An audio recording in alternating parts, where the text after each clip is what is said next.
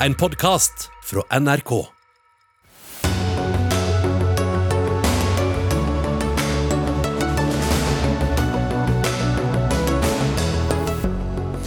Storbritannias finansminister får sparken etter 38 dager på jobb.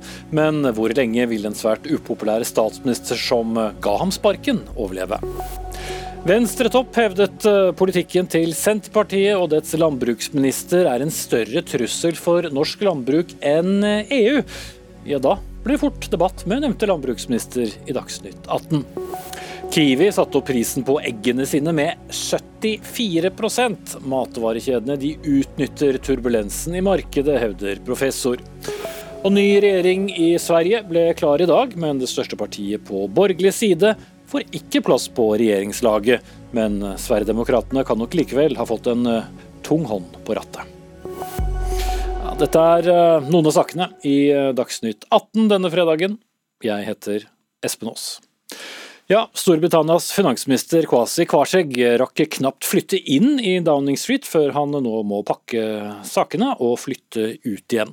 Han fikk i ettermiddag sparken av sin egen statsminister Liz Truss, som selv også tiltrådte for om lag seks uker siden.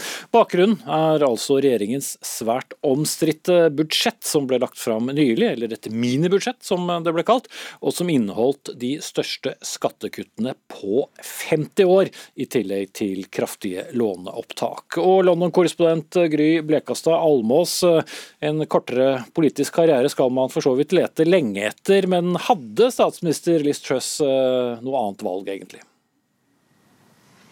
Hun hadde i hvert fall ikke noe annet valg enn at hun måtte gjøre noe. For eh, sånn som markedene reagerte på de skattekuttene som eh, Kwasi Kwarteng da la fram for tre uker siden, eh, da pundet raste og den britiske økonomien fikk seg en skikkelig trøkk, det måtte hun gjøre noe med. Og i dag så gikk fristen ut, altså den tidsfristen den engelske sentralbanken har gitt seg selv på de støttekjøpene som Eh, som den har gjort da, siden eh, budsjettfremleggelsen, for å motarbeide den eh, negative effekten disse skattekuttene da fikk på den britiske økonomien. De støttekjøpene slutter i dag, og Liz Truss var helt nødt til å gjøre noe for å prøve å roe markedene, så ikke rentene øker ytterligere og, og pundet raser videre. Og Det grepet hun altså valgte, var først og fremst å, sparke da sin ikke bare kollega, men også gode venn Kwasi Kwarteng. Og I tillegg så har hun gått tilbake på eh, enda et punkt av disse skattekuttene. Eh, nå skal man ikke eh, lenger altså det, det, de gjorde i budsjettet, var å ta bort hevelser i selskapsskatten som hennes forgjenger, eller da den tidligere finansministeren Rishi Sunak, hadde lagt opp til. De ville de ta bort, men de blir nå beholdt. Altså det blir en økning i selskaps selskapsskatten, i tillegg til at hun også tidligere har gått tilbake på noen av disse skattekuttene. Så det har vært en ydmykende dag for den britiske statsministeren på flere måter i dag.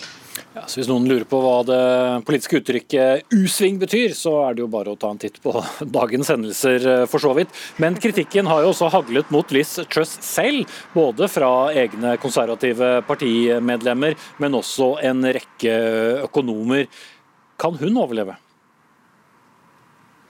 Det er jo det store spørsmålet som mange fortsatt eh, stiller seg. Eh, det var vel et forsøk på å, redde sitt eget skinn på mange måter, det hun gjorde i dag. Men det, hun får jo kritikk for å ha ofret en finansminister som egentlig bare har gjennomført hennes politikk. Eh, og da hun kjempet om å bli partiets leder og landets statsminister gjennom flere uker i sommer, så var det jo nettopp disse skattekuttene hun kjempet den kampen på. Og nå må hun da føre en skattepolitikk som ligner mye mer på den hennes rival gjennom den den kampen Rishi Sunak eh, la opp til.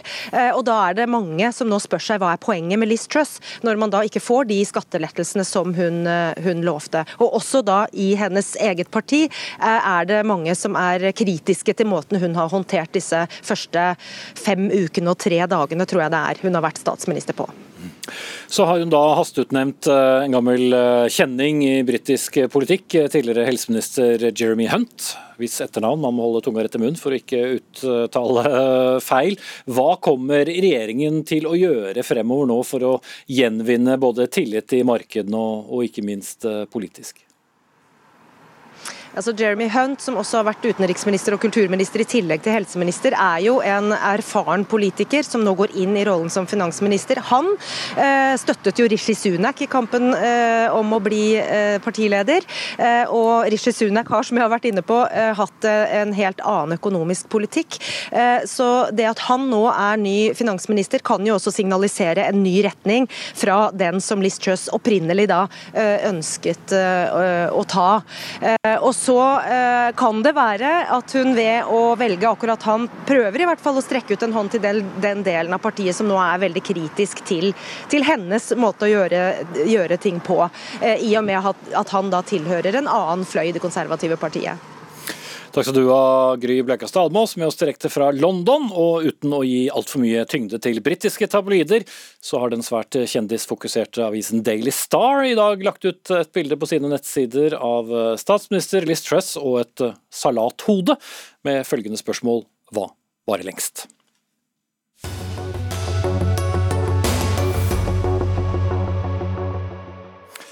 Men det skjer politiske omveltninger enda nærmere oss også, nemlig i vårt naboland Sverige. Det tok sin tid, men i dag la det svenske Høyre, Moderaterna og dets leder Ulf Kristensson frem regjeringserklæringen for sin nye regjering.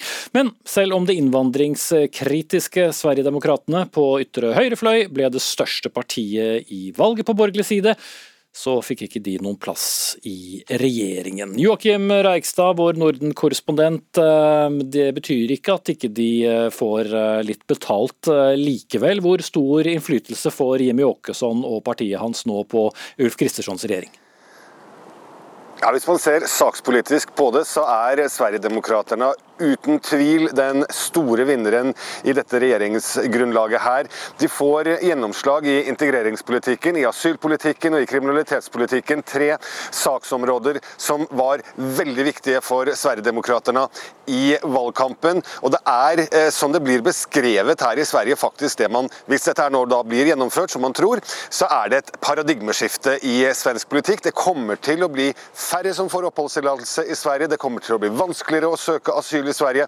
Man skal legge seg på EUs nivå, ikke høyere enn det som, som Sverigedemokraterna har snakket om. Og så kommer det til å bli eh, ganske mye mer innsats i de utsatte områdene i Sverige. Dvs. Si kameraovervåkning, det dvs. Si eh, visitasjonssoner, altså at man kan bli ransaket uten ja, bare for å være et spesielt sted.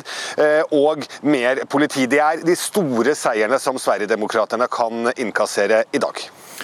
Men denne regjeringen har jo da bare 103 av de 349 setene i Riksdagen, altså den svenske nasjonalforsamlingen. Eh, Joakim, eh, hvor, eh, hvor sterkt vil egentlig denne regjeringen stå?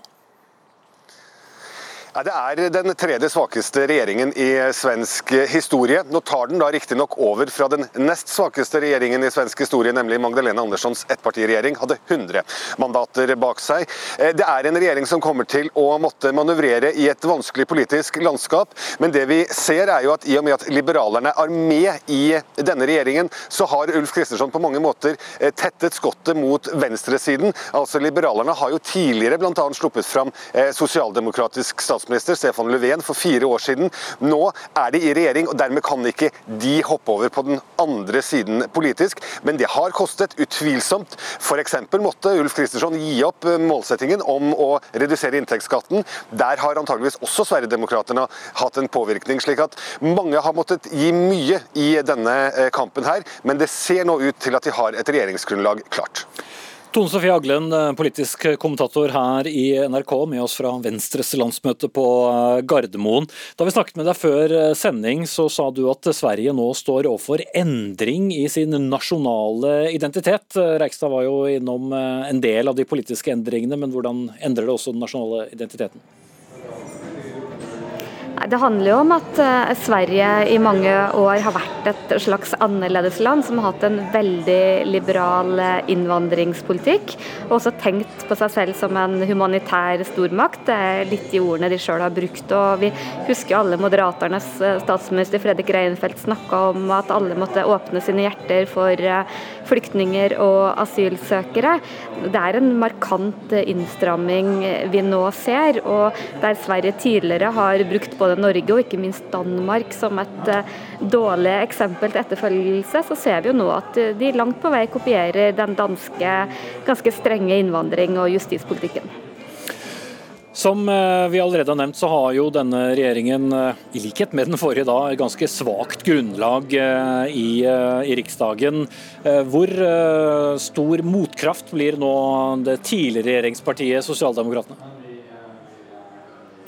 Ja, Det blir jo spennende å se. De gjorde jo et uh, veldig godt valg. og Selv om uh, partileder Magdalena Andersson uh, satt under et år som statsminister, så klarte hun å bli både veldig populær og få høy tillit. og De vil nok utnytte den situasjonen. For det er jo også en, en, en svak regjering som vi har sett tidligere. Kan, det kan skje veldig mye i perioden. Men så vet vi også at sosialdemokratene sjøl har nok også et behov for å finne litt eh, seg selv etter åtte år eh, de har styrt Sverige. Eh, du er jo da, som jeg nevnte, på Venstres landsmøte, og Venstres søsterparti, Liberalerna, er også med i denne regjeringen, som, som ledes av svenske Høyre. Hvordan er stemningen blant partikameratene på, på Gardermoen over denne regjeringen, og ikke minst deres høyst kontroversielle samarbeidsparti? Nei, Det er god stemning eh, i Venstre, men det er ikke veldig mye begeistring over eh, det svenske søsterpartiets eh, nye regjeringskamerater. og Det skyldes jo selvfølgelig Sverigedemokraterna. Og, og det er jo også veldig kontroversielt i liberalerne sjøl. Og vi ser jo nå at den nye regjeringsplattformen kan i hvert fall ikke kalles liberal, og det er helt åpenbart at det er liberalerne som kanskje har fått minst politisk gjennomslag. Og så er det også et, et veldig splitta parti. Allerede så har stemmer i partiet vært ute og sagt at dette må vi stemme imot. Så det kan jo bli noen krevende år. og Det man har sett tidligere er at eh, representanter i den svenske riksdagen lett kan hoppe av og stemme eh, på den andre siden hvis de er veldig ubekvemme med deler av politikken. Tilbake til deg, eh, Joakim Reikstad i, i Stockholm.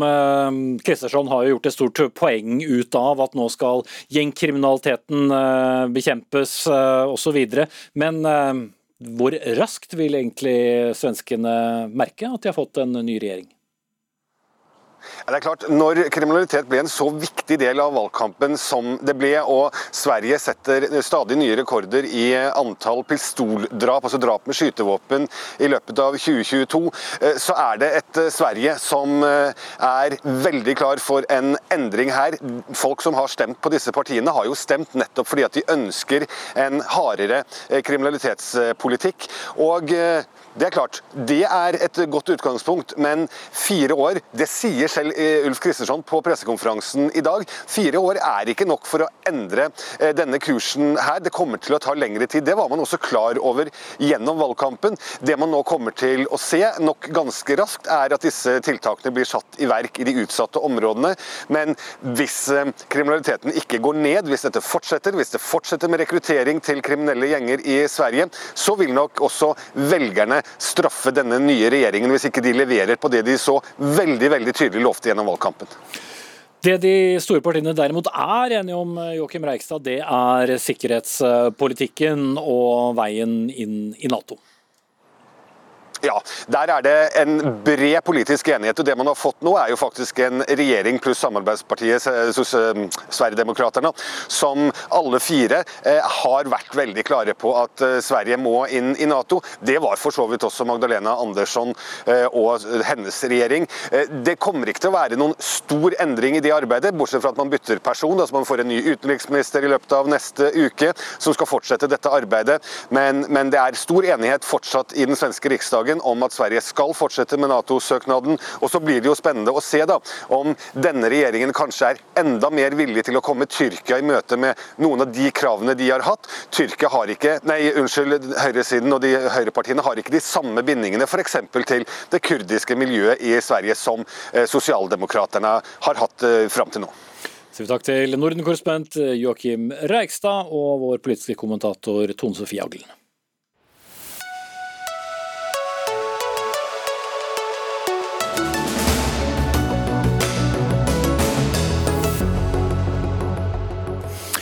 Hva skjer dersom du hevder at Senterpartiets eh, politikk er en større trussel mot eh, norsk landbruk eh, enn EU er?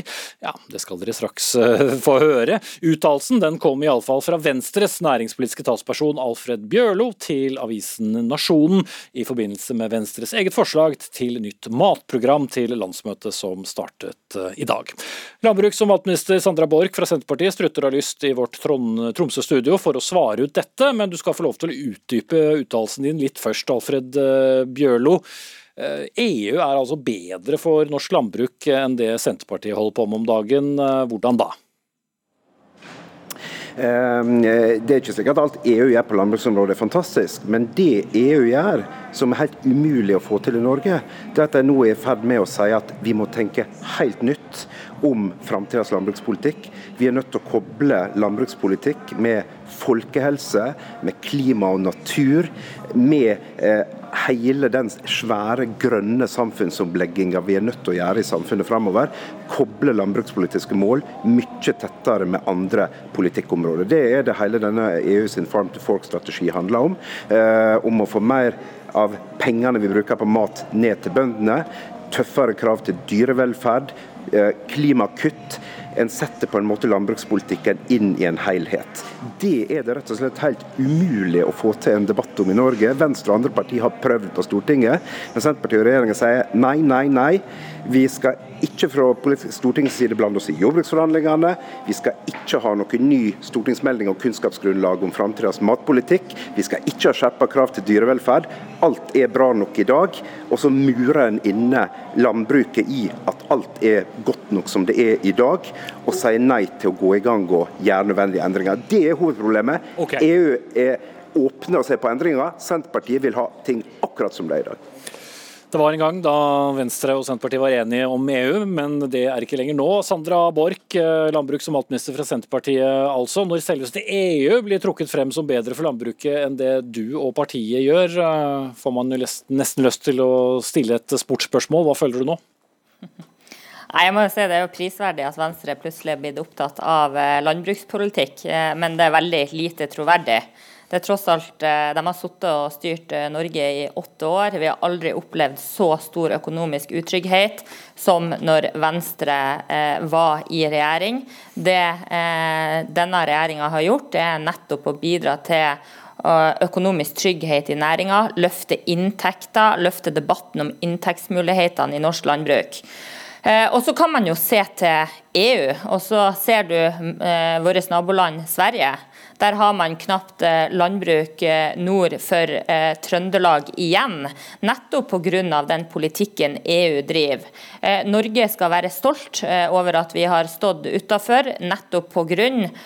Av, av landbruket, sånn at vi kan ha landbruk i hele landet. Mm. Og så kan jeg jo si at Vi hadde aldri klart å få til en strømstøtte til norsk landbruk om vi hadde vært EU-medlem i dag. Det er en unik ordning som Norge er alene om å ha, og som vi skal være veldig glad for at eh, vi har. Hvis ikke så tror jeg vi hadde opplevd at enda flere gårdsbruk hadde blitt eh, lagt ned det siste året. Mm. Okay, vi skal bidra til økonomisk trygghet, og det er det aller viktigste vi kan gjøre for norsk matproduksjon nå. Alfred Bjørlo, dere lister jo da opp en rekke målsettinger for norsk landbruk videre. Langt mer økologisk landbruk, mer frukt og grønt enn kjøtt osv. Men har dere regnet særlig på hvor lønnsomt en slik omlegging ville være for eh, landbruket? Ja, altså Det som er helt sikkert er at det å skjønnmale nær sagt inntektene og inntektspotensialet til norske bønder per i dag, det er det iallfall ingen grunn til å gjøre. Sannheten er at norske bønder springer fortere og fortere, får høyere og høyere gjeld, eh, sakker mer og mer akterut befolkninga for øvrig. Og Det er ikke som Sandra Borch sier at det har skjedd fordi det var en blå-blå regjering, det har skjedd veldig mange år, uansett om det har vært rød-grønn eller blå-blå regjeringer som har ført. Eh, vi er nødt til å legge om hele tenkninga rundt norsk landbruk til at det faktisk lønner seg å produsere kvalitetsmat. At vi greier å tilpasse oss nye forbrukervaner. Vi vet at framtidas forbrukere kommer til å ete mindre rødt kjøtt og mer frukt og grønt. De vil være mer opptatt av å stille miljøkrav, de vil stille høyere krav til dyrevelferd. Og da vil de òg være villige til å betale skikkelig for den gode maten norske bønder da lager. Men i dag har vi malt oss opp i et hjørne der vi nesten tar det som en etablert sannhet at distriktslandbruk i Norge er lik kjøtt og melk, samtidig som vi vet at det er et svært utnytta potensial for å lage mer frukt og grønt, som vi trenger mer av, både fordi folk vil ha det for å øke selvforsyninga, og fordi det er bra for folkehelsa. Tilsvarende på økologisk landbruk. Vi greier f.eks. ikke å levere nok økologisk melk er det forbrukerne etterspør, og må importere det fra utlandet. Så dette handler faktisk om å koble det framtidas forbrukere vil ha, med det som er bra for klimaet, og det det er potensial for i framtida. Det vil også være bra for økonomien til norske bønder, okay, som er for dårlig. Da får du også et lite punktum. Eh, Sandra Borch, eh, økt satsing på frukt og grønt hvis det er det forbrukeren etterspør. Hva, hva er galt med det? Nei, altså Vi satser jo på frukt og grønt, og det har jo skjedd store framskritt eh, de siste årene i Norge. Det er selvfølgelig også en del av denne regjeringa sin eh, strategi. Vi skal også satse på, eh, på, økologisk, men samtidig så er vi også nødt til å sikre at vi har avlinger nok, at vi har mat nok eh, framover. Eh, da må vi satse både på økologisk, og så er vi så heldige at vi har et veldig godt landbruk i Norge i dag, eh, med god dyrevelferd med lite antibiotikabruk og en trygg matproduksjon som bidrar til at vi faktisk eh, eh, ser at, eh, at det er en utvikling som, som går framover. 5% økologisk landbruk, er det godt nok?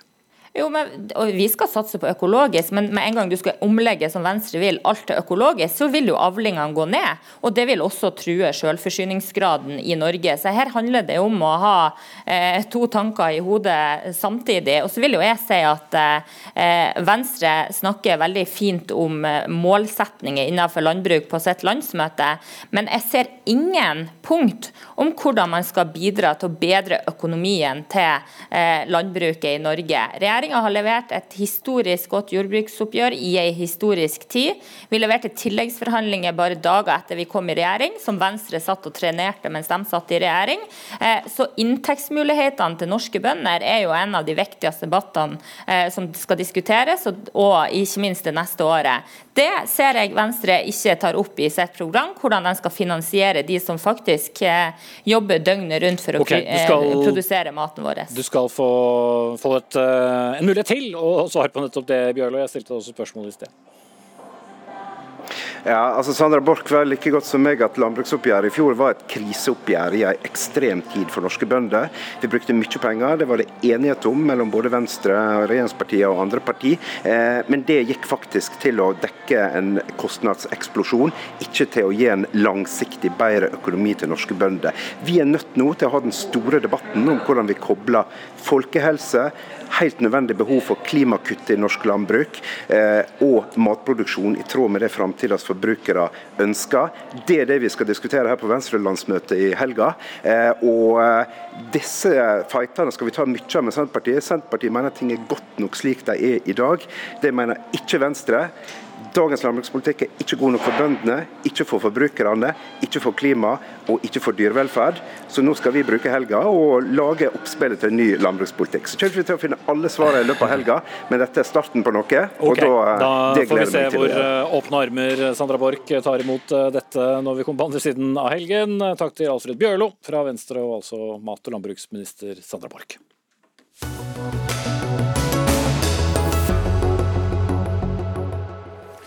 De folkelige protestene i Iran har ikke stoppet opp, snart en måned etter at en ung kurdisk kvinne døde i varetekten til det såkalte moralpolitiet i landet. Kvinnene ønsker like rettigheter som menn, og mange ønsker også at regimet skal veltes. En ny revolusjon 43 år etter den store revolusjonen som forvandlet Iran fra et vestlig orientert monarki til en islamsk republikk med streng håndhevelse av religiøse lover. Jon Peder Egnes, generalsekretær i Amnesty International Norge. Ut fra det du blir fortalt av deres eh, kilder, klarer protestene å holde samme nivå? Fordi tilgangen på nyheter fra Iran er vanskelig for tiden? Ja, jeg snakket akkurat med våre folk som følger dette tett, eh, si dessverre døgnet rundt. Eh, og de fortalte at det er store protester i dag også. De er i, om ikke over absolutt hele Iran, så i store deler av Iran. Så dette er det 27. døgnet på rad med, med store protester. Vi eh, har sett eh, disse protestene komme til uttrykk på, på, mange forskjellige måter. Alt fra kasting og brenning av hijaber, eh, det vises avsky mot regimet osv. Men hva, hva, er den viktigste symbolikken i det som, som skjer? Ja, jeg tror at det er en, en, del ting. Det ene som er veldig viktig, og som legges merke til, og jeg tror myndighetene legger merke til, at dette er en, en litt sånn kvinneledet protest. Eh, de går foran. Eh, de bruker dette, dette, med å klippe håret, som vi kanskje først og fremst forbinder med at det var håret som skulle dekkes til. Nå klipper vi da. Det har en lang lang tradisjon fra et iransk nærmest nasjonalepos, hvor det om igjen og om igjen går igjen at kvinner klipper håret i protest og sorg rett mot myndighetene. Så jeg tror det er mye sterkere i Iran enn det, enn det vi oppfatter det. Um, og så ser vi nå, og det er også noe ikke nå, det har skjedd for en tid tilbake, men det var ikke helt fra starten av, at stadig flere unge kommer inn. Først kommer universitetene, nå kommer skolene. Det det dessverre også fører til, som vi har eh, utgitt en ny rapport på i dag, det er at eh, vi har dokumentert, og tallet er sikkert lavt, 23 barn som er drept. Um, og man kan si ja, det er kaos, det skjer sikkert. Nei, dette er barn som er skutt i hodet, skutt i hjertet, slått i hjel med uh, køller. Så eh, protestene brer seg, men det gjør også den helt vanvittige volden som iranske myndigheter møter den med. Ingrid Vik Bakken, forsker ved Institutt for sosiologi og statsvitenskap ved NTNU. Eh, disse protestene har altså holdt på i, i 27 dager, som er, er, lenge, selv om protester som sådan eh, ikke er så unikt i uh, Iran. Uh, du har sett visse fellestrekk da på taktikken som, som blir brukt uh, av særlig kvinner da i opprør og, og, protest. Hva er det snakk om her? ja, nei um altså Rent generelt så ser man jo at kvinner bruker eh, mange forskjellige typer taktikker, som demonstrasjoner og, um, og protester og ulike former for sivil motstand. Um, men det man også ser, er at de kan uh, gjerne spille på litt andre strenger enn det, enn det menn kan gjøre. Um, F.eks. som det blir nevnt, uh, at de klipper av seg håret, som jeg tror også ville blitt oppfatta som ganske sterkt hvis hvis noen stilte seg opp og gjorde det eh, på gata i Norge. Men eh, man ser at kvinner gjerne utnytter og gjerne bryter med eh, etablerte kjønnsnormer for å, eh, ja, for å tiltrekke oppmerksomhet eh, til saken og eh, for å få oppmerksomhet mot et, om et politisk mål. Basert på tidligere kvinneprotester i, i, andre land. Hva er sannsynligheten for at det skal lykkes uh, denne gangen, nemlig å få da rett, like rettigheter for, for, kvinner og menn, selv om det etter hvert har utviklet seg til å bli en større protest enn som så? Ja, det er jo et veldig vanskelig spørsmål å svare på. Det er jo veldig interessant at, at kvinnerettigheter har fått en helt sentral uh, rolle i disse opprørene. på den ene sida så er det jo et veldig sterkt sikkerhetsapparat som det er utrolig vanskelig å stå imot. Um, på den andre sida så har jo protestene holdt på en stund nå uten å la seg stoppe, og det er jo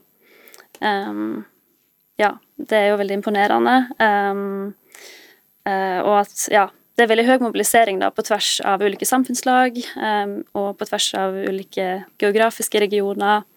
Um, det får mye oppmerksomhet um, internasjonalt. Um, og på et generelt grunnlag så vet man jo at denne type voldelige, nei, ikke voldelige opprør um, det, det, har jo lyktes før med å velte et, um, et regime, et autokratisk regime. Um, Mm. Men det er jo ikke alltid at de nye regimene har gjennomført den politikken som demonstrantene har ønska seg, da, og som kanskje kvinnene har ønska seg. Det er eh, som sagt vanskelig å få tilgang på informasjon fra Iran. I går morges hørte jeg et intervju på, på BBC med en mann som deltok i gateprotestene, og som sa at han løp en stor risiko ved å bli intervjuet av BBC, for det anses som da lovbrudd å snakke med utenlandsk eh, presse. Jon Peder Egenes, hva vet du om hvor hardt regimet slår ned på både det og for så vidt de som velger å, å gå ut i gatene? Nei, som sagt, De slår ekstremt brutalt ned. og Det er jo en helt tydelig strategi fra myndighetene at de skal for, forsøke å blokkere all informasjon ut av Iran. De skrur av internett, de nekter internasjonale journalister å reise inn. De, de går etter folks uh, mobiltelefoner osv. Så, videre. så, så det er en klar strategi. så Det er fint at vi snakker om dette i dag, for jeg vet at iranerne virkelig er opptatt av at vi må snakke om dette. Men brutaliteten er altså nesten uten beskrivelse, fordi den, den er så målrettet når man, når man, ser hva den står imot. Den står imot kvinner og menn og barn som protesterer i gatene, som bruker stemmen sin, som klipper håret sitt, som brenner hijaben sin. Og så møtes den altså med skarpe skudd, som ikke skytes i luften for å, for å si til folk nå må dere løpe vekk. men et av eksemplene uh, i denne siste rapporten var en ung jente som også nå er i ferd med å bli et stort symbol for hele demonstrasjonen, som heter uh, Hika Sharakami. Hun ble 16 år. Den 20.9 så forsvant hun.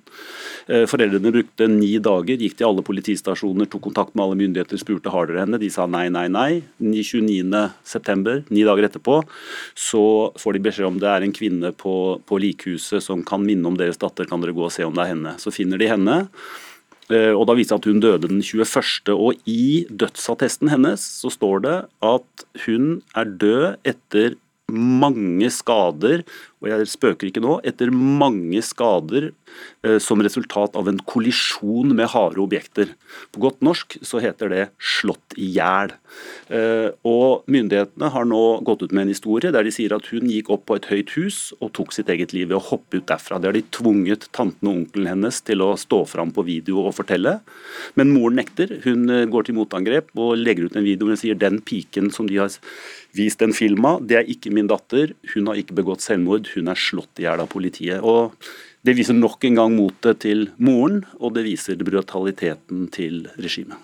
Kort til slutt, Ingrid Vik Bakken. Eh, gjør det inntrykk på et regime med så langvarige protester? Eh, om det gjør inntrykk på regimet? Mm. Um, ja, det skulle man jo håpe, men um, det er veldig usikkert å si om, om regimet um, bryr ikke så veldig om det. Um, hvis de kan um, styre på videre uten at det får så veldige konsekvenser, da. men man kan jo håpe på at enkelte deler av regimet får nok å snur sin lojalitet da, til folket. Iallfall har protesten vart i, i, 27 dager altså. Takk til Ingrid Vik Bakken, forsker ved Institutt for sosiologi og statsvitenskap ved NTNU, og Jon Peder Egenes, generalsekretær i Amnesty International Norge.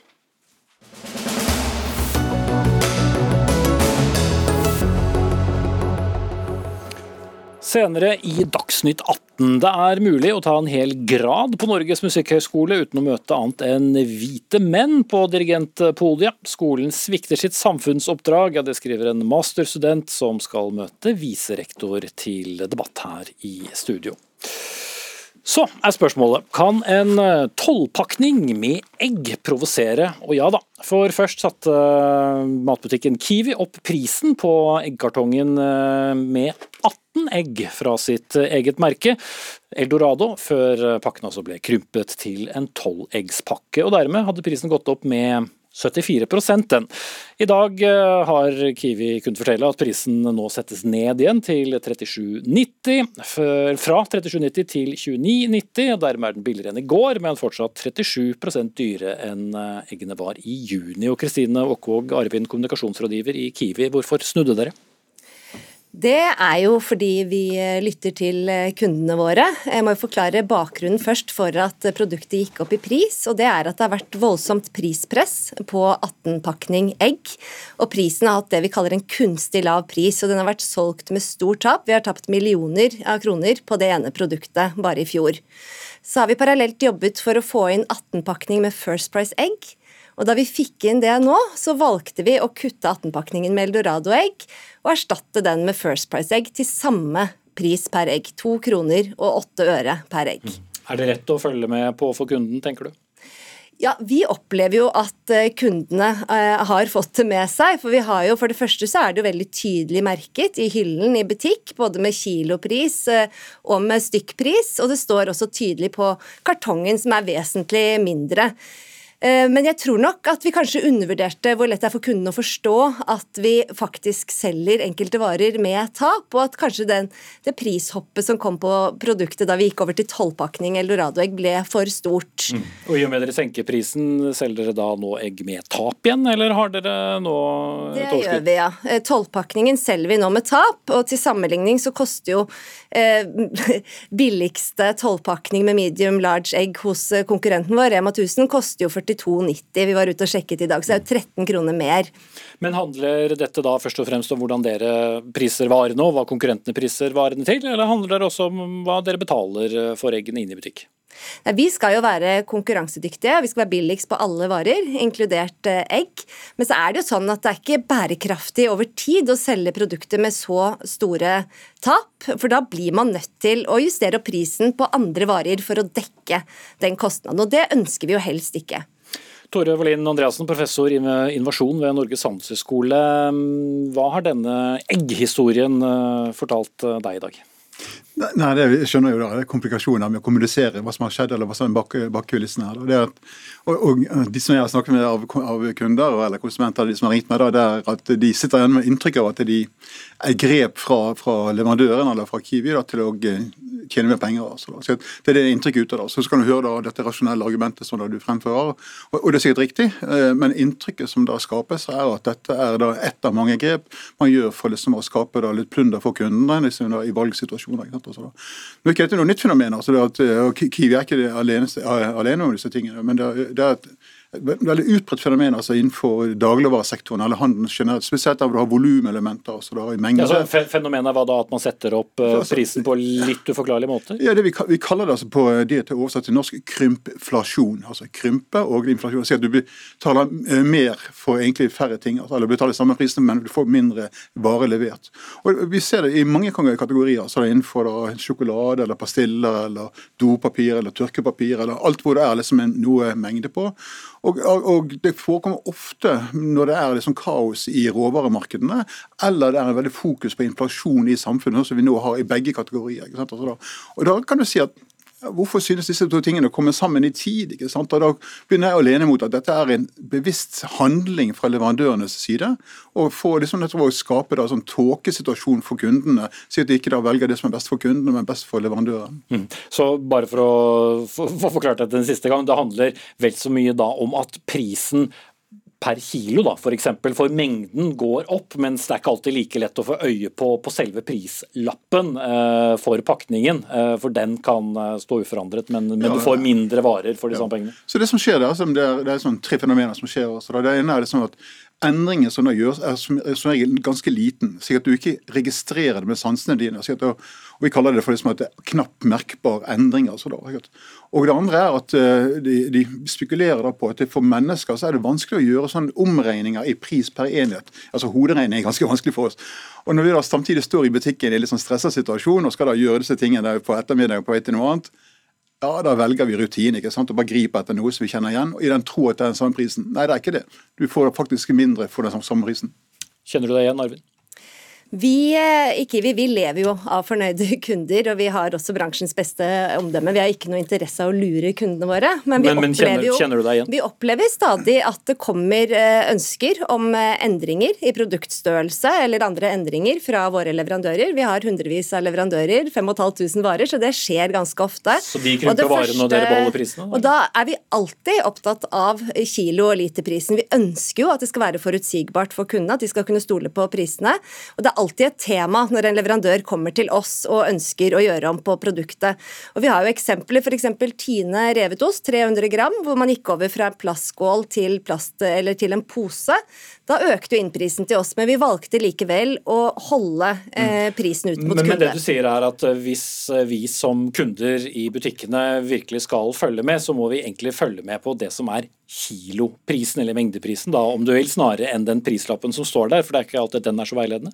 Det står både kilo- og literpris og stykkpris på, i alle våre elektroniske hyllepriser. Ja, men det er bare det at kiloprisen er ofte knøttliten, og så står det en storpris for hva den faktiske vare koster. Ja, vi, er, vi, ønsker jo at kundene skal følge med på kilo- og literprisen, men vi har ingen strategi for å lure kundene på dette området. Stavanger eh, nå. Geir Pollestad, stortingsrepresentant fra Senterpartiet. Eh, eh, hva har du lært om prissetting denne dagen og dette oppslaget NRK hadde i morges om, om disse berømmelige legene? Jeg oppfatter dette bare som et uh, utslag av uh, et symptom på et marked som er helt uh, ute å kjøre. Der tre aktører sitter og deler et marked på 200 milliarder kroner. Og så eh, skaper en et inntrykk av at det er en hard konkurranse, men i realiteten så er det eh, for dårlig konkurranse. Og jeg er jo redd for at en i skyggen av at alle i Norge tenker at nå blir ting dyrere, at kjedene da benytter den muligheten til å skru opp prisene ytterligere. Og vi ser jo flere eksempel på det, eh, om at eh, prisen til bonde går litt opp. Eh, prisen fra leverandør går litt opp, men prisen i butikk går kraftig opp. Mm. Og I 2020 og 2021 så var eh, dagligvarekjedene og de som eide de, de som tjente mest penger i Norge. Jeg frykter jo og regner med at i 2022 så kommer også de som tjener aller, aller mest i Norge, til hver de som styrer dagligvaremarkedet vårt. Mm. Klar beskjed fra en av representanter fra vår lovgivende forsamling der, Arvin? For det første så mener jeg jo når vi har solgt denne varen og fortsetter å selge denne varen med tap, så er jo det et bevis på at det er beinhard konkurranse, spesielt blant de tre lavpriskjedene. Når det gjelder prisøkningen som har vært i markedet, så stemmer det at prisene på matvarer er opp 12,1% det siste året. Det er mye. Men til sammenligning så har Sverige økt prisene med 15,3, Danmark med 16,1. Så det er ikke unikt for Norge at prisene øker. Og Men vår... prispåslaget er størst i butikkene og mindre hos grossist og mindre hos produsent? Det Pollestad glemmer, er at hele verdikjeden har fått økte kostnader. Eh, og de prisendringene jo, men Poenget hans med at det er større prisendringer i butikk enn det er i eh, leddene før den kommer i butikken? Marginene våre er svekket som følge av økte priser. Vi eh, har prisendringen har ikke vært nok til å dekke kostnadsendringen hos oss, og vi får ingen strømstøtte. Vi har økte kostnader til strøm, vi har økte kostnader til varene, og i tillegg så kjører vi veldig hardt på pris om dagen. Men alle har jo de samme faste utgiftene som strøm, f.eks.? Ja, det, det, stemmer, og vi har eh, store kostnader til eh, strøm i, eh, i våre butikker. Og, vi, og, det blir også en del av bildet. Pollestad. Ja, det her ser jeg. Selv om prisene har økt eh, noe mindre i Norge enn eh, i nabolandet vårt, så skyldes det jo at vi har hatt et jordbruksoppgjør som har eh, kompensert mye av prisveksten. Vi har en strømstøtte i Norge som bøndene i Sverige og Danmark ikke har. Så her tror jeg at vi er på et problem at vi har et marked som ikke fungerer. Regjeringa har satt i gang mange tiltak, men jeg kan love det vil komme enda flere tiltak. For vi kan ikke godta den maktkonsentrasjonen som er i dagligvarekjedene. Og vi ser at en bruker dette, og at kjedene går lenger og lenger inn i leverandørsidene, får mer og mer kontroll over verdikjeden. Og de, de som taper på det, er både leverandørene, bøndene og kundene. Andresen, her er det viktig at vi får en strengere regulering av dagligvaremarkedet. Ja, hva kan eh, myndighetene gjøre, Andreasen? Det, det er som Pollestad sier her, altså, det er noe med konkurranseintensiteten. ikke sant? Altså, du ser at Hverdagen din er jo en enorm intens på pris. ikke sant? Altså, men det er, det er, tre aktører som er det bransjen. Vi vet jo at fra, fra, innovasjonsforskningen at jo flere aktører du har i, et, i en marked, jo mer konkurranse får du på innovasjonssiden, hvor du skaper forskjeller til kunden. Altså. Og også hvor du kan drive ut denne type, Hvis det er bevisst handling for å mislede kundene, så vil også det bli drevet ut altså da, av markedet, fordi at aktørene vil da regulere hverandre. Mm. Det, det, som jeg også tror er Problemet med Pollestads argument er at uh, det er jo noe med importkvotene og landbrukspolitikken som hindrer oss å ta inn nye konkurrenter. Så at Lidl, som da var i Norge i en liten periode, måtte jo forlate Norge fordi de ikke kunne ha med seg de, sine egne private merker inn i markedet. ikke sant? Og, og den måtte de forlate, og dermed mistet vi en aktør. Eh, jeg tror det kommer et langt svar hvis jeg spør deg om dere tenkte å gjøre noe med tollkvotene. Men uh, Arvin, til slutt. Uh, kunne dere gjort kommunikasjonen mot kundene litt annerledes? Ja i etterpåklokskapens lys er det alltid noe man kunne ha gjort annerledes, som jeg var inne på innledningsvis. Vi undervurderte nok den brå overgangen det var for kundene da vi økte prisen på, eller kuttet denne 18-pakningen. Så Vi har jo to millioner kunder i Kiwi Pluss, vi kunne ha kommunisert til dem på en annen måte. og Det tar vi lærdom av, og det vil vi vurdere neste gang. Mm. Egg og omelett og alt det der. Takk til Kristine Wokkvåg Arvin, kommunikasjonsrådgiver i Kiwi. Tore Valin Andreassen, professor i invitasjon i innovasjon snarere ved NHH. Og stortingsrepresentant Geir Polstad fra Senterpartiet.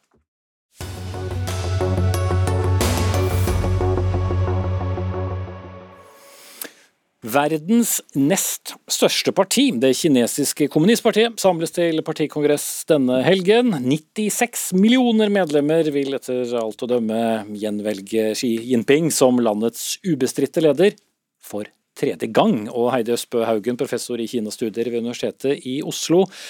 Tre perioder som leder av kommunistpartiet og landet for øvrig, det er lenge siden sist i så fall noen har vært.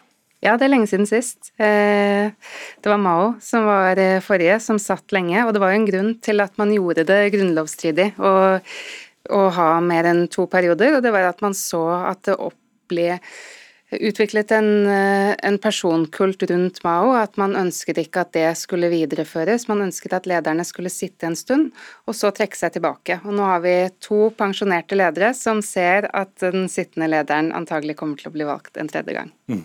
Men hvorfor eh, kan da dette skje med Xi Jinping? Så eh, De forandret grunnloven eh, for at han eh, skulle bli valgt en tredje gang. Det gjorde de, de så litt framover i 2018 og gjorde det. Og da var det 2958 mot to stemmer for å gjøre det. Så det var stor oppslutning. Mm. Hans Jørgen Gåsemyr, seniorforsker ved NUPI, Norsk utenrikspolitisk institutt. Hva er det de største utfordringene som da toppene i dette enorme partiet står overfor? De leder jo verdens andre største økonomi, som er inne i en fundamental omstilling allerede. Hvor mange av de eh, på en måte batteriene eller eh, lokomotivene i det økonomiske maskineriet nå står litt i stampe. Eh, og så er det inne i en verden hvor Kina er mye mer til stede, mye mer engasjert, har interesser globalt sett, eh, og har da selvfølgelig også flere interesser de skal både forsvare og representere og, og promotere. Og så er vi selvfølgelig i en verden også prega av konflikter. Kina sliter fortsatt med en pandemi. Kina har et stort dilemma i forhold til å håndtere krigen i Ukraina. Mange er opptatt av Taiwan så det er uh, verdens mest kompliserte jobb, vil jeg si. Kanskje mer komplisert enn å lede noe annet land og styre den eh, kinesiske skuta nå framover. Mm. Men kanskje litt uh, mer veldrevet enn disse demokratiene som tar så lang tid. Haugen, vil vi se Kina gå i mer autoritær retning eh, nå hvis det blir, eller når det blir en eh, tredje periode, eller kan det gå motsatt? Vi kan i hvert fall vite at det at det blir en tredje periode er et tegn på at det har gått i en mer autoritær retning, og det var ikke gitt da Xi Jinping kom til makten, men sånn har det blitt. Sakte, men sikkert har skruen blitt strammet til, og man har fått da som sagt et mer personfokusert lederskap. Så det, det vi nå er spent på, er klarer han å samle kompetente folk rundt seg som eh, kan si han imot, som kan komme med faglige innspill, eller kommer han til å samle et kabinett av mer nikkedokker? Ja, for det har jo om ikke annet vært en slags form for demokratisk prosess, i hvert fall mot toppen. At det har skulle være diskusjoner, at det skal være en viss form for debatt. Men uh, det kan forsvinne? Ja, det er i hvert fall den store bekymringen, kan du si. Hvis du ser litt sånn isolert uh, sett Eh, og ser litt bort fra hva man ønsker seg at Kina skal være i verden, eh, så har jo, vil jeg si, Kinas suksess eh, og hvordan de har styrt landet, nettopp vært preget av at de har hatt et strengt styre, men som har hatt rom for veldig stor debatt og stor uenighet, og ikke minst har vært utrolig kunnskapsbasert. Og Dersom den autoritære kursen med Xi på topp liksom fortsetter i en sånn fortsatt markant autoritær retning, med som Heidi sier nikkedukker rundt seg, så forsvinner mye av oppskriften, vil jeg påstå, i hvert fall på på det som har, vært, eh, som har gjort at eh, de politiske grepene har fungert så lenge. Mm. Eh, måten som Kina da håndterte pandemien på, ble jo selvfølgelig lagt merke til her, med gjensveisede døråpninger og folk som ikke fikk slippe ut, og byer som ble nærmest hermetisk lukket, Heidesbø Haugen. Men gjenklangen hos folk, ikke det at det er så mange alternativer å, å velge noe annet, men hva vet vi om populariteten til ledelsen? Vi vet i hvert fall at mediene har kjørt veldig hardt på at dette var en god taktikk. At Xi eh, har reddet Kina fra massedød og massesykdom, som man jo har sett i andre deler av verden. Men folk merker nå veldig godt Eh, alle restriksjonene som er, og det at, eh, at, de stadig kan bli utsatt for å bli stengt inne, at det er reiserestriksjoner. Så både det og det at det nå er en mye svakere økonomisk vekst, gjør at, at uh, det er ikke gitt at folk kommer til å være like fornøyde uh, i de neste, neste perioden som de til dels har vært uh, i, i begynnelsen av Kis regjeringstid. Og Hvis vi da ser på den globale banen, altså Kina har da hatt økonomisk vekst i 40 sammenhengende år, eh, mens eh, USA har stått litt på sidelinjen og, sett de rykke frem. Kan, eh, kan denne dominerende posisjonen til Kina svekkes? Eh, Kinas eh, på en måte fortsatte vekst i verden er jo helt avhengig av at de skal fortsette å vokse økonomisk. og Kinas egen uh, utvikling er helt avhengig av at de skal fortsette å vokse. Men det er en styrt politikk å dempe den veksten. Det er også en styrt politikk å ha en så streng covid-politikk. så Det er ikke sånn at de sitter på en måte og, veggene av husene ramler ned. Men økonomi er veldig mye psykologi.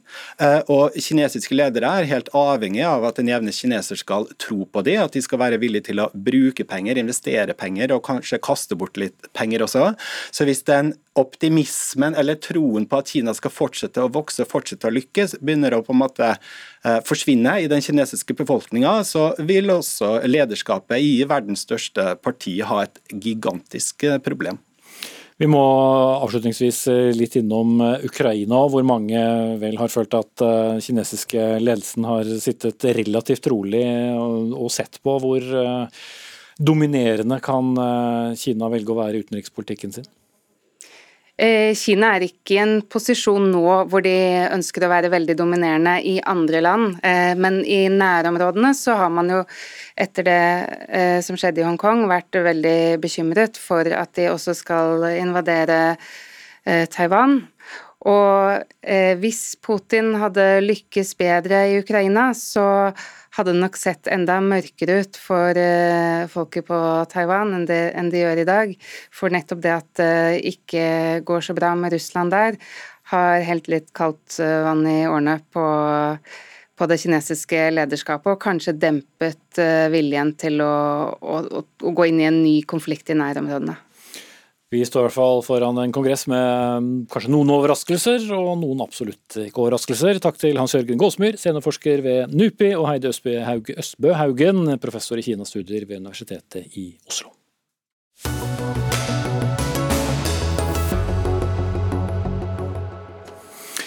Da skal det handle om musikk, eh, om enn eh, kanskje noe mollstemt. All klassisk musikk skrives og dirigeres av eh, hvite menn. Det er i hvert fall inntrykket en får av å gå på Norges musikkhøgskole. Det ifølge masterstudent Siri Storheim, som har skrevet i det digitale tidsskriftet Kontekst. Kontekst, og der, eh, Storheim, retter du flengende kritikk mot eh, høyskolen for manglende mangfold, manglende likestilling og manglende vilje til å gjøre noe med det. Du er selv hornist og snart ferdig med masterstudiet. Men du skrev ikke dette fordi du var overrasket, du var bare utrolig lei. Hvordan da? Ja, altså um, Jeg har gått på den klassiske linjen, um, og der er symfoniorkester kanskje det viktigste og største faget. Og i løpet av mine år der, mine seks år, så har jeg da møtt én kvinnelig dirigent, resten har vært uh, menn, og ingen kvinnelige komponister. Um, og det mener jeg jo er helt uholdbart i 2022. I tillegg så har utvalget som bestemmer hvilke komponister og dirigenter Eh, orkesteret bruker. Store deler av min studieperiode bestått av 100% menn, som jeg også synes er ganske uholdbart. Mm. Og i tilsvar til min eh, kronikk så får vi høre fra NMH at endring tar tid. Men jeg vil jo si at dette er noe som er ekstremt enkelt å endre, som vi kunne fikset i morgen. Sissel Karlsen, viserektor for forskning og kunstnerisk utviklingsarbeid ved nettopp NMH, eller Norges musikkhøgskole, da, og leder eh, av utvalget for mangfold og, og likestilling. Ja, skal vi kalle det en strykkarakter fra masterstudenten her. Kjenner du deg truffet? Eh, jeg gir jo eh, i mitt tilsvar Siri rett i at dette er problematisk. Eh, men jeg vil jo også få lov å si at vi har faktiske tiltak. Noen av dem synes allerede, noen av dem er på vei inn. Vi har f.eks. akkurat ansatt en kvinnelig dirigent i åremålsstilling, orkesterdireksjon. Det kommer en kvinnelig dirigent på et orkesterprosjekt i januar. Vi har flere svært dyktige kvinner ansatt på kordireksjon. Flere av dem dirigerer også orkester, senest på en produksjon av Haydns 'Skapelsen' her forrige uke. Hvor mange dirigenter er det, da? I alt ansatt på skolen. Eh, jeg tror kanskje vi er oppe i sju, hvis jeg ikke har telt helt feil, hvis vi legger sammen eh, orkesterdireksjon og kordireksjon. Mm. Eh, men hvorfor har det da vært så mannsdominans, eh, selv opp i, vår tid? Det er jo, som jeg også skriver i tilsvaret, dette er prosesser som tar lang tid. Og, og, ja, endring tar tid, det er beklagelig. Noe av dette kan vi helt klart fikse i morgen, men f.eks. ting som har med ansettelser å gjøre, tar lengre tid. Ja, Store. Ja, nå er det sånn at eh, De fleste dirigentene for symfoniorkesteret de hyres inn per prosjekt, og de er ikke tilknyttet skolen, men de er da frilansdirigenter på samme måte som de profesjonelle orkestrene jobber. Og Det er ikke sånn at det ikke fins gode kvinnelige dirigenter eller gode kvinnelige komponister. Da hadde vi hatt en helt annen diskusjon. De fins, men de blir ikke engasjert. Er de ikke gode nok, Karlsen? De er absolutt gode nok. Og her jobber vi med det jeg vil kalle bevisstgjøring på flere plan. Eh, for det som trenger å skje, er jo også at altså Vi vet at de fins, vi vet at de er gode nok, eh, men så er det både Hva skal jeg si Jeg kan gå i meg selv, jeg kan be andre ansatte gjøre det, til og med også studentene på enkelte plan. Av og til må vi gå en ekstra runde i hodet og tenke hm, nå gjør vi det vi pleier å gjøre igjen. Kanskje vi skulle gjøre det litt annerledes denne gangen. Mm. Ja, for Er det sånn historisk sett at det har vært så mannsdominert, sier Siri Storheim, at dette bare er blitt uh, hengende ved, eller er det rett og slett litt latskap? Ja, det er ekstremt mannsdominert. Og, men som sagt så finnes det veldig kvalifiserte kvinner. De er mye færre. Det vil si man må kanskje jobbe litt hardere for å få tak i dem, for å få hyret inn. Um, men jeg tror ikke at orkesterutvalget vårt har uh, gått inn for å gjøre den jobben. Og jeg mener jo at det er ledelsen sitt ansvar at det utvalget er kompetent nok til å skjønne at vi trenger flere stemmer representert. Mm. Du har også studert i, i, USA, og der var det helt annerledes. Hvordan da? Det er jo annerledes på veldig mange måter. men på universitetet så er mangfold og likestilling på en måte integrert i alt. Det finnes alltid en setning på alle dokumenter, alle infoskriv. og man er på, på, en måte på et nivå der å ha en produksjon med kun hvite menn um, som komponister og dirigenter er utenkelig. Og veldig mange av de på en måte omfattende strategiene har kommet på plass etter drapet på George Floyd, og har kanskje ikke kommet av et ønske for å endre seg, men kanskje mer av et ønske for å redde skinnet sitt. da. Men likevel så gjør det at man blir vant til og forventer å se ulike mennesker på det podiet. Mm. Og Du snakket jo om at det tar, tar tid å endre Sisse Karlsen, men uh, det er vel bare å hyre inn kvinnelige dirigenter, eller for den sakens skyld uh, skifte om til kvinnelige komponister. Så lang tid kan det vel ikke ta? Eh, det er det vi er i gang med, rett, og, rett, og, slett. Eh, og det er der vi ikke kanskje ser, har sett resultatene helt ennå. Men det er klart at det er det vi, vi, er i gang med. Vi er også i gang med å løfte opp dette her i debatter, interne seminarer. Eh, vi skal ha et seminar med alle masterstudentene som eh, nettopp handler om bevissthet rundt hvordan programmerer vi. Og jeg skal love deg at Utvalg for mangfold og likestilling, lederen for Utvalg for mangfold og likestilling, eh, har nok på blokka si nå å ta en prat med orkesterutvalget. Men én ting er nå det å, å, gå som en masterstudent og, og aldri se en kvinne f.eks. da eh, dirigere. Men hvis vi går til dette med komponistene, må også det kjønnes, eller hvis det er et ord? Eller handler det vel så mye om hva man får ut av musikken, og at man kanskje ikke der tenker så mye på kjønnsbalanse? Um, nei, det er åpenbart tenker man ikke på det. Um, det er derfor du skrev kronikk, si. Vi setter alltid kunsten, selvfølgelig fortsetter det alle kunstnere, men nå er det sånn at en gruppe blir systematisk uh, utestengt, og det tror jeg ikke er pga. kvalitet, men jeg tror det er pga. stort sett ubevisste fordommer, og at man beveger seg i de mønstrene man er vant til. Også fordi at man har en historisk ekstremt sterk sånn, idé om hva en komponist er, eller hva en dirigent er, og det er en hvit mann. Det er det vi ser for oss når man sier komponist. Enig, Karlsen? Ja. Det er jeg egentlig enig i. Eh, og jeg kan også si at vi har en rektor nå, Astrid Kvalbein, som til og med har fått Komponistforeningens likestillingspris, så her tror jeg det er håp. Jeg kan også si at rektoratet står bak, og vi ønsker endring. Eh, og en av de tingene som skjedde i går, som eh, kanskje ikke Storheim vet, det er at vi hadde styremøte. Vi hadde en studentrepresentant som løfta opp innlegget ditt, og vi fikk mulighet til å debattere dette. Og styret står også 100 bak ønsket om endring her. Veldig kort, har du litt bedre tro på fremtiden? Eh, litt, men jeg eh, ønsker fortsatt et mye høyere tempo og mye sterkere ambisjoner. Hmm. Ja, jeg beklager det, men det er da en uh, vidd mann som må avslutte også denne diskusjonen, for sendetiden er over. Arild Svalbjørg var ansvarlig for sendingen. Lisbeth Seilereite, tekniker. Jeg heter Espen Aas. Vi ønsker god helg.